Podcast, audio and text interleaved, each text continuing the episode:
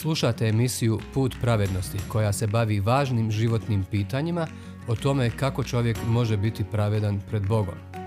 Ako imate bilo kakvih pitanja ili komentara vezano za današnju emisiju, na kraju ćete imati informacije kako nas kontaktirati.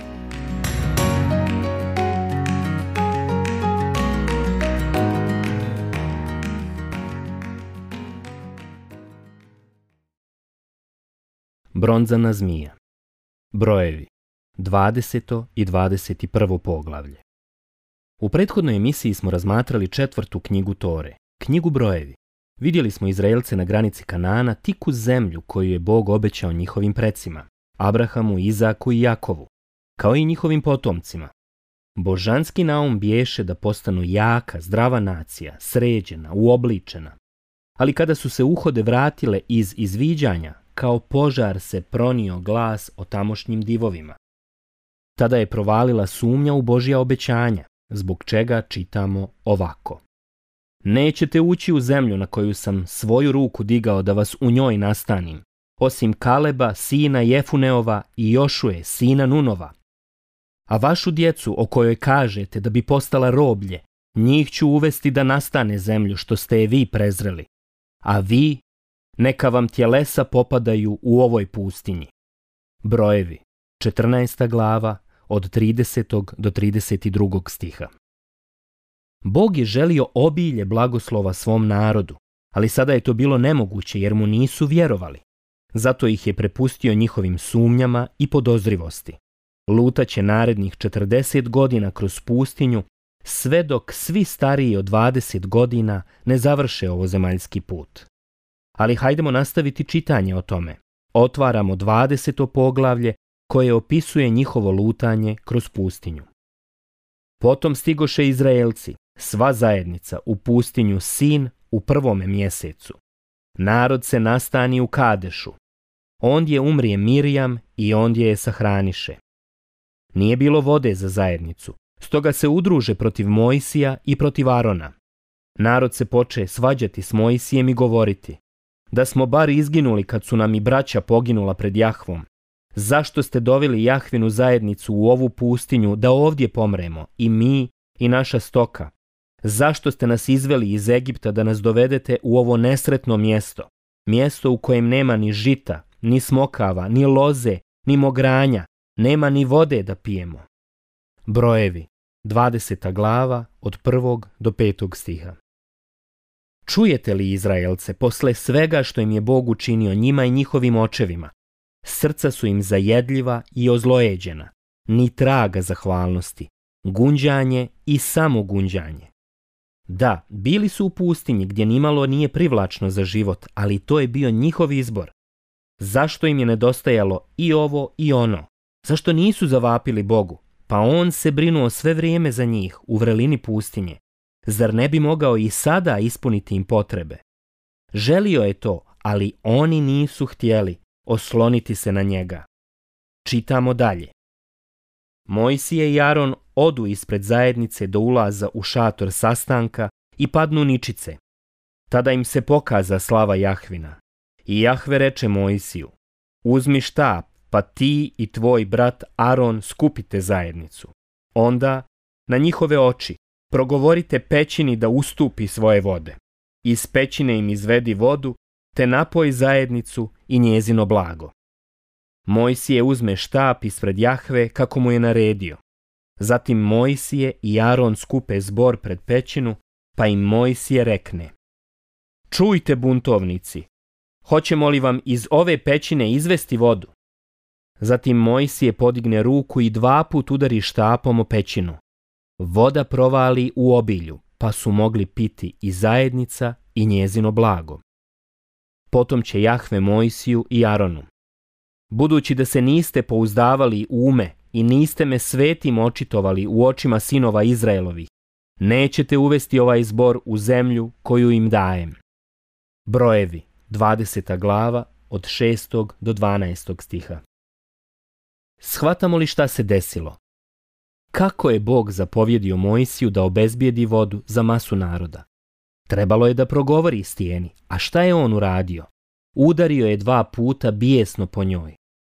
A da li je Bog zbog toga odustao od namjere da napoji žedne? Nije, ali Mojsije ga je ovim gestom obeščastio. Narod je napojen, ali posljedice po vođu nisu izostale. Ponovit ćemo.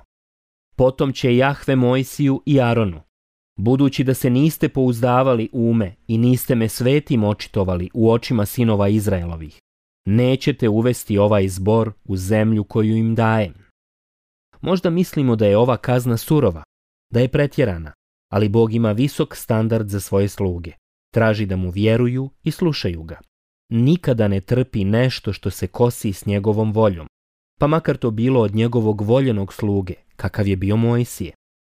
Bog ne gleda ko je ko. Mojsije jeste bio silan prorok, ali ipak samo čovjek poput svih nas. Dakle, bio je grešnik, Adamov potomak. Ni on nije mogao da spasi sebe dobrim dijelima. Poput svih ljudi nosio je grešnu prirodu koja ne može dosegnuti puninu božanske pravednosti. I njemu je trebalo spasenje na božanski način, krvnom žrtvom, Elem ovaj čin neposlušnosti, tako jasno zapisan, pouka je i nama. Podsjetnik da smo svi grešnici, tako nam i kaže sveto pismo. Svi smo sagriješili i izgubili smo slavu Božiju. Rimljanima poslanica, treća glava, 23. stih. Nema ni jednog pravednog čovjeka. Pravedan je samo čovjek otkupitelj koji je došao na zemlju spasiti nas od grijeha i sramote. Pri kraju brojeva 20 vidimo da su i Mojsije i Aron umrli na obroncima gore Hor, gdje su Izraelci žalili za njima mjesec dana. I onda čitamo dalje. Od brda Hora zapute se prema Crvenom moru da zaobiđu zemlju Edomsku. Narod putem postane nestrpljiv i počne govoriti i protiv Boga i protiv Mojsija. Zašto nas izvedoste iz Egipta da pomremo u ovoj pustinji? Nema kruha, nema vode, a to bijedno jelo već se ogadilo dušama našim. Onda Jahve pošalje na narod ljute zmije. Ujedale ih one, te tako pomrije mnogo naroda u Izraelu. Dođe narod k Mojsiju pa reče, sagriješili smo kad smo govorili protiv Jahve i protiv tebe. Pomoli se Jahvi da ukloni zmije od nas. Mojsije se pomoli za narod i Jahve reče Mojsiju. Napravi otrovnicu i stavi je na stup, Kogod bude ujeden, ostaće na životu ako je pogleda. si je napravi zmiju od mijedi i postavi je na stup. Kad bi koga ujela ljutica, pogledao bi umjedenu zmiju i ozdravio. Brojevi, 21. glava, od 4. do 9. stiha. Nevjerovatna stvar, zar ne? Zašto je Bog poslao otrovnice na Izraelce? Zbog grijeha. Oporo su mu prigovarali, optuživali ga čak, prezirali hranu koju im je davao. Zato je uslijedila oštra disciplina koja je mnoge usmrtila. A gdje je bilo rješenje? Šta je narod trebalo da uradi i spasi se ujeda otrovnica? Da li su mogli nešto sami uraditi za sebe? Da upotrebe neki melem, neku zaštitu? Ne, nisu. Pa šta im je onda ostalo? i jedino zavapiti Bogu. I to su učinili. Pokajali su se, otišli Mojsiju i priznali. Zgriješili smo kad smo govorili protiv gospoda i protiv tebe. Pomoli se gospodu da ukloni zmije od nas. A da li je Bog uklonio otrovnice? Nije, ali je uradio nešto daleko bolje. Rekao je Mojsiju da izlije kip bronzane zmije i podigne je na stub, kako bi svako koje je ujeden, pogledavši vjerom u tu zmiju, ozdravio. Brojevi, 21. glava, 9. stih. To je bio njegov serum, njegov melem. Dakle, baš kako smo čitali, si je napravi zmiju od mijedi i postavi je na stup. Kad bi koga ujela ljutica, pogledao bi u mjedenu zmiju i ozdravio. Da, pogled vjere je donosio život. Bog je tako obećao.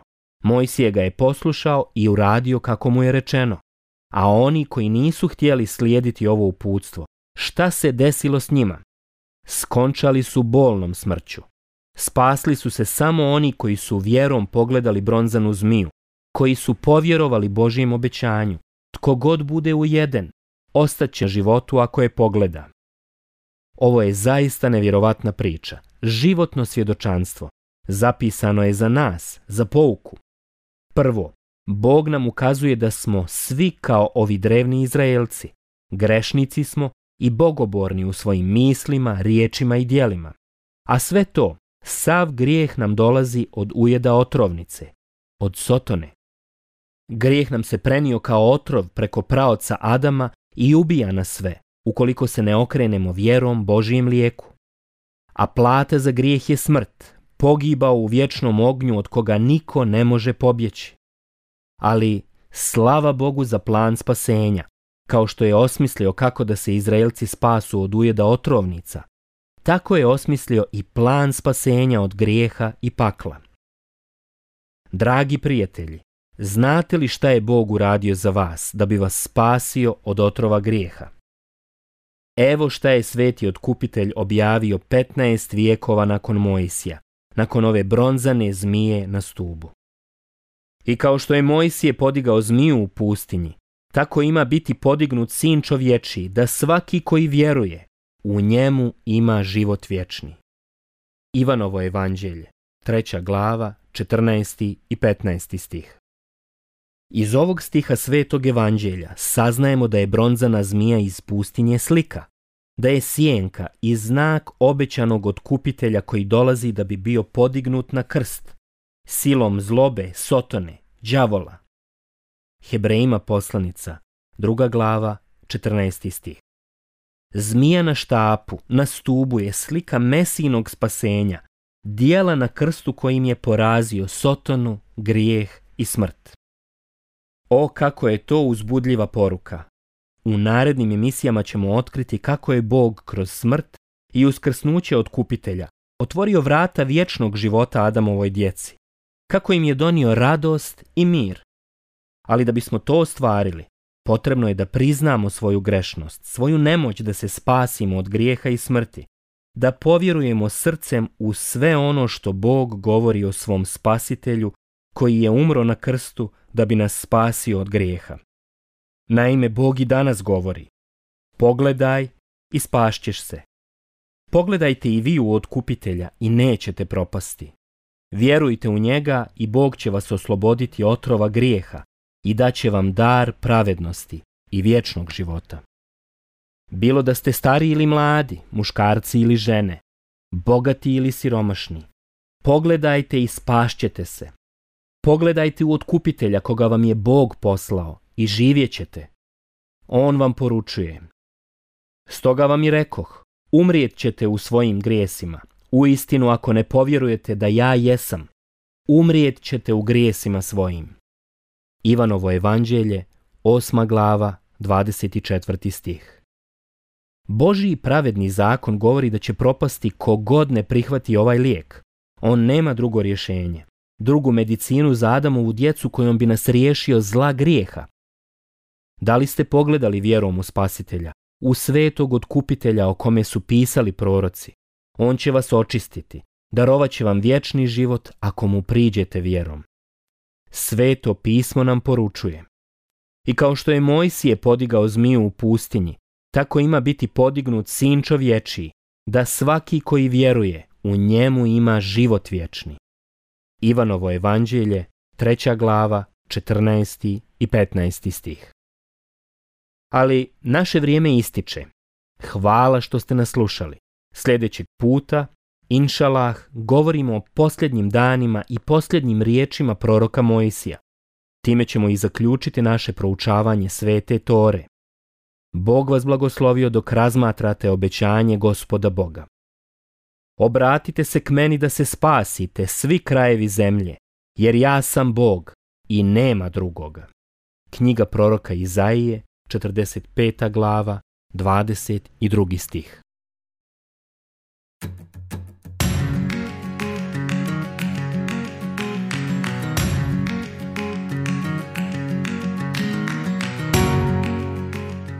Hvala vam što ste slušali današnju emisiju.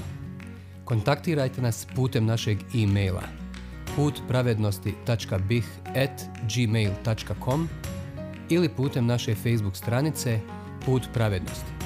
Do sljedećeg slušanja.